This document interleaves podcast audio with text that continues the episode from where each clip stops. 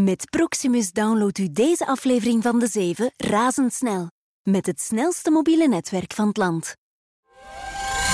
Welkom bij De Zeven van de Tijd. Elke dag om 7 uur. Onze blik op de zaken in 7 punten. Dit is Bert Rijmen. Goedemorgen. Het is officieel het extraatje van 12 miljoen euro dat Solvay-CEO Ilham Kadri krijgt. Is de grootste cashbonus ooit bij een Belgisch beursgenoteerd bedrijf. Spoorstaking vandaag. Welke hinder kan je ondervinden en waar gaat het echt over? En twee jonge Belgen die tevergeefs alcoholijs probeerden te lanceren, gooien het nu over een andere boeg. Al blijft het wel zoet en sterk. Het is woensdag 8 november. Welkom.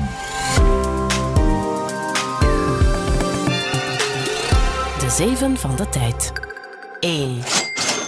Jawel, de cashbonus van 12 miljoen die CEO Ilham Kadri van chemiereus Solvay binnenkort krijgt, is de grootste ooit binnen een Belgisch beursgenoteerd bedrijf. Dat heeft onze redactie becijferd. Nieuws over de bonus kwam gisteren naar buiten. Best wat verbazing over dat hoge cashbedrag. En nu kunnen we bevestigen dat het wel degelijk gaat om een record. De Raad van Bestuur van Solvay wil K3 daarmee belonen voor al het voorbereidend werk dat ze heeft gedaan voor die geplande splitsing van het bedrijf volgende maand. Solvay zal dan in tweeën breken. Enerzijds in een traditioneel chemiebedrijf, Solvay, en anderzijds in een spitstechnologische spin-off ScienceQuo. Eerst werd alleen daarnaar verwezen met die bonus, maar onze redactie heeft verder geïnformeerd bij Solvay. En daar is nu ook te horen dat K3 op de radar staat van alle internationale headhunters. Dat ze dus andere opties had en dat haar aan boord houden essentieel was. Of ze ook een concrete aanbieding had om elders aan de slag te gaan, is niet bevestigd. Maar het lijkt dus wel een rol te hebben gespeeld in dit recordbonusverhaal. 2. Deze trein uitzonderlijk niet verder dan Brussel-Noord. Sinds gisteravond 10 uur staakt het personeel van de NMBS, de spoorwegen dus, voor 48 uur. Moet zo'n beetje doorlopen tot vrijdagochtend. De helft van de IC-treinen, 60% van de L- en S-treinen rijden niet. De steen des aanstoots is de opstarttijd van de treinbegeleiders voor ze beginnen met hun werk op de trein. De tijd die ze daarvoor krijgen wordt ingekort en dat pikken de bonden niet.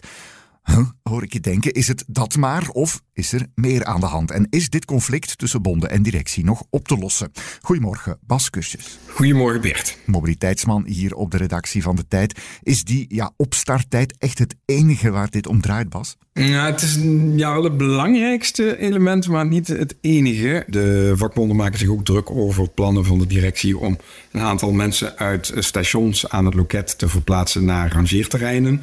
Er is nog wat onrust over uh, het statuut van mensen die niet nieuw worden aangeworven. Hè, of die nou een officieel statuut krijgen of juist niet. En zo zijn er nog wel wat meer kleine ongemakjes en, en ontevredenheden een aantal dingen tezamen die dus ja, nu in, in een staking uitmonden. Bas, is, is dit op te lossen? En uh, ja, hoe zit dat met die 48 uur staking die ook nog is aangekondigd in december? Ja, dat is een beetje de vraag. Want eigenlijk onder al dat soort uh, verzuchtingen van de vakbonden zit misschien nog wel iets diepers. En dat is aan de ene kant de directie van de NMBS, die echt wel aan het hervormen wil slaan. Mm -hmm. Dat komt een beetje omdat ze een nieuwe beheersovereenkomst hebben. Uh, die hebben ze eind vorig jaar gesloten, dus voor de komende tien jaar.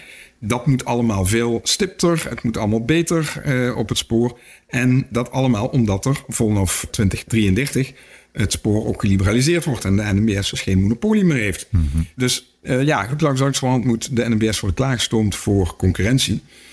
Aan de andere kant heb je de vakbonden. Die ja, maken zich zo langzamerhand ook alweer een beetje op voor, uh, ook voor hun een verkiezingsjaar.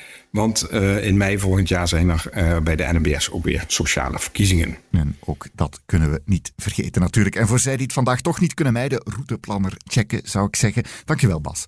Met heel veel plezier Bert. 3. Als je mij een paar dagen geleden zou gezegd hebben dat ik hier zou zitten, eerlijk gezegd, ik had het niet geloofd. Eerlijk, wij ook niet. Gwendoline Rutte legt later vandaag de eet af als Vlaams vice-minister-president en minister van Samenleven. Ze gaat meteen aan de slag.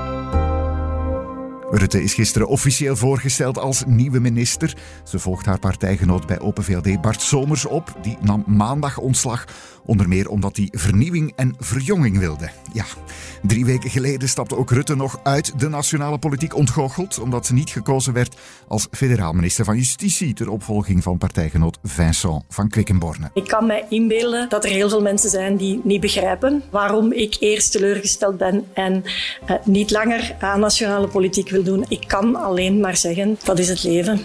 En als je impact wil hebben, dan neem je verantwoordelijkheid op het moment dat dat gevraagd wordt. Rutte zei dat ze eerst nog van plan was te gaan lesgeven. Het Liberaal Partijbureau heeft haar aanstelling alvast unaniem goedgekeurd. Je mag hier best ook een verzoening in zien tussen Rutte en premier Kroo. De relatie tussen die twee was nogal verzuurd geraakt.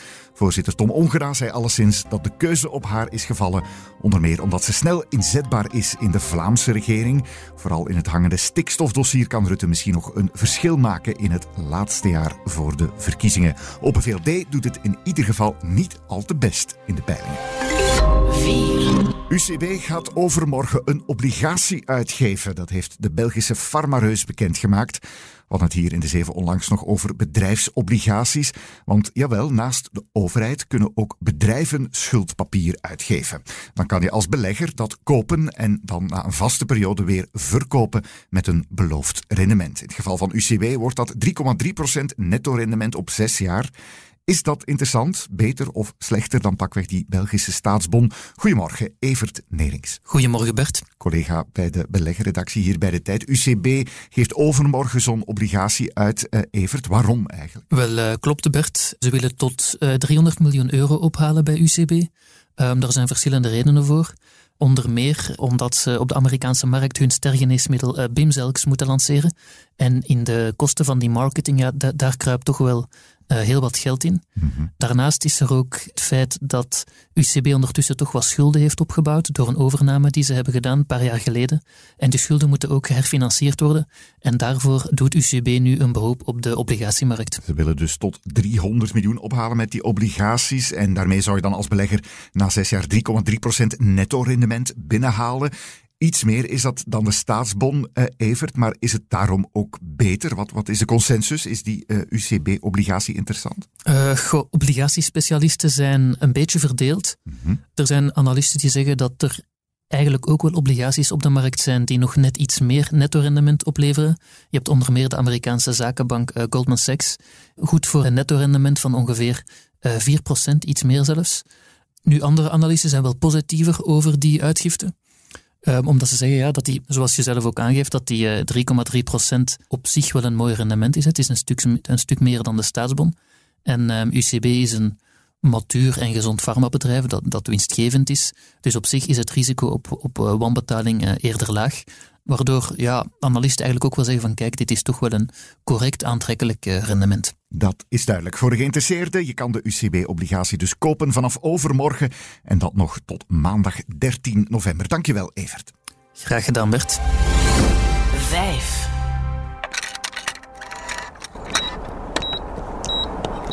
Waar kijken beleggers nog naar uit vandaag? Vanavond in San Francisco houdt Adyen, de Nederlandse betaalverwerker, zijn allereerste beleggersdag.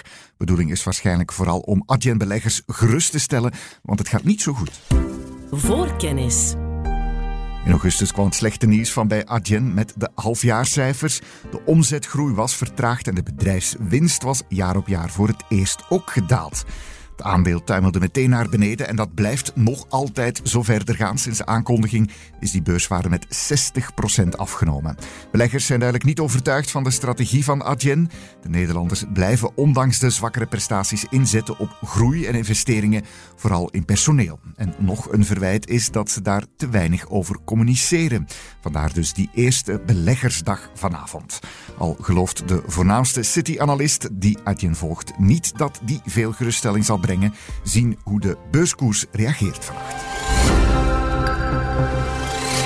6. Gisteren hoorde je hier in de zeven al hoe België een sleutelrol speelt in de Europese en internationale drugstrafiek. Vandaag zoomen we in op de Belgisch-Italiaanse connectie in deel 2 van de Narco-files. Internationaal journalistiek onderzoek naar miljoenen gelekte gerechtsdocumenten over drugstrafiek, waar de tijd aan heeft meegewerkt. Goedemorgen, Lars Bové. Goedemorgen. Onderzoeksjournalist hier bij de tijd. Lars, deel 2 van die Narco-files gaat over de Italianen, Italiaanse Belgen ook, die gigantische coke- en cash-transporten door ons land lieten stromen. Wat hebben jullie ontdekt? Dit is het verhaal van de Italiaanse maffia, de Ndrangheta, waar dat je ziet dat die echt via ons land heel grote cocaïnetransporten volledig heeft georganiseerd. Mm Speelfiguur is uh, Lucio Aquino en die blijkt dus zowel de contacten met de Colombiaanse en andere Zuid-Amerikaanse leveranciers te hebben geregeld, als ook al het geld via ons land te hebben vervoerd en verzameld en uiteindelijk dan ook de verkoop heeft gedaan en ook de winsten heeft verdeeld. Dus je ziet eigenlijk dat Limburg hier een heel cruciale rol heeft gespeeld in ja, het, het organiseren van grote cocaïnetrafieken uh, voor de Italiaanse maffia de familie Aquino. Iedereen die ooit al eens iets van die Belgisch-Italiaanse maffia gehoord heeft, kent die naam. Ze hadden en hebben ongetwijfeld tal van duistere werkwijzen, te veel om hier nu uh, allemaal te bespreken. Zeker is wel dat er enorm veel geld in omgaat, Lars, maar geef ons toch eens een idee, een voorbeeld van de methodes van dat Italo-Belgische netwerk. Hier gaat enorm veel geld in om, dat is juist. Alleen al in tien maanden tijd is er hier uh, via ons land dan meer dan 22 miljoen euro cashgeld gepasseerd. Dat is enorm. Dat is dus mm-hmm. gegaan van enerzijds de geldschieters in Italië naar dan de leveranciers in Panama, Colombia, noem maar op, via ons land. En dat gebeurde dus via ritten, geldcouriers, die met wagens met dubbele bodems die miljoenen euro's hebben vervoerd. En dan uiteindelijk, na de verkoop van die miljoenen euro's aan cocaïne, is er dan ook nog geld witgewassen. En dat gebeurde dan weer via allerlei, ja, soms wel gewone handelszaken die de Italiaanse maffia eigenlijk beheerst. En dat gaat dan van bijvoorbeeld een ijssalon ergens uh, in Duitsland tot een, een wasstraat in Duitsland of een Italiaans restaurant, noem maar op. Dat was allemaal nodig om dan via ja, fictieve inkomsten en facturaties ook nog eens die miljoenen euro's wit te wassen alle clichés bevestigd, maar nu wel blootgelegd in die narco-files. Wat zijn nu de gevolgen van die uh, ontdekkingen? In mei dit jaar is er al een heel grote operatie geweest in dit dossier.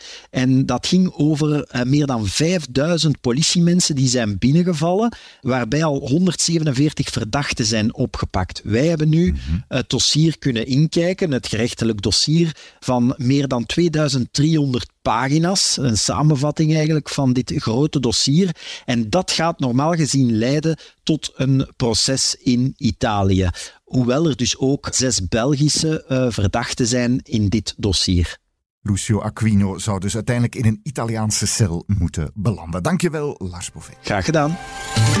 7. Wij Belgen blijken geen grote fans van alcoholijs. Men dus gooit het Belgische merk Lik met een Q nu het roer om. Het had van sterk ijs zijn specialiteit gemaakt. Het gaat voortaan voor sterke pralines, waar op de doos prominent het logo prijkt van een groter merk, zoals Baileys of Malibu. In 2015 begonnen ondernemende twintigers Jorgos Struiven en Nicolas de Stoop te experimenteren met sterke drank, roomijs. Denk aan de combos rum aardbei, amaretto cookie en mm, Irish coffee crumble. In 2020 lanceerden ze hun ijsmerk Lik in honderden Belgische supermarkten, maar het heeft nooit aangeslagen. We hadden niet het nodige marketingbudget om van Lik een groot merk te maken, zegt Struiven nu. Hij en de Stop sturen hun bedrijf dus in een nieuwe richting, namelijk samenwerkingen met gevestigde merken zoals Baileys voor ijspralines. Die nieuwe strategie richt zich ook vooral op de verkoop in het buitenland. Duitsland, de UK, Nederland, Zwitserland en Portugal. België is nog maar goed voor 5% van de omzet. Je vindt de Lick Baileys of Malibu pralines maar in een paar lokale supermarkten. Toch op zoek nu even naar iets lekkers voorbij de koffie. Nog een heel fijne dag en tot morgen. Dit was De Zeven met Bert Rijmen. Productie door Roan van Eyck van op de redactie van De Tijd. Voor meer business en straffe nieuwsverhalen, check tijd.be of onze app. Morgen zijn we er weer. Tot dan!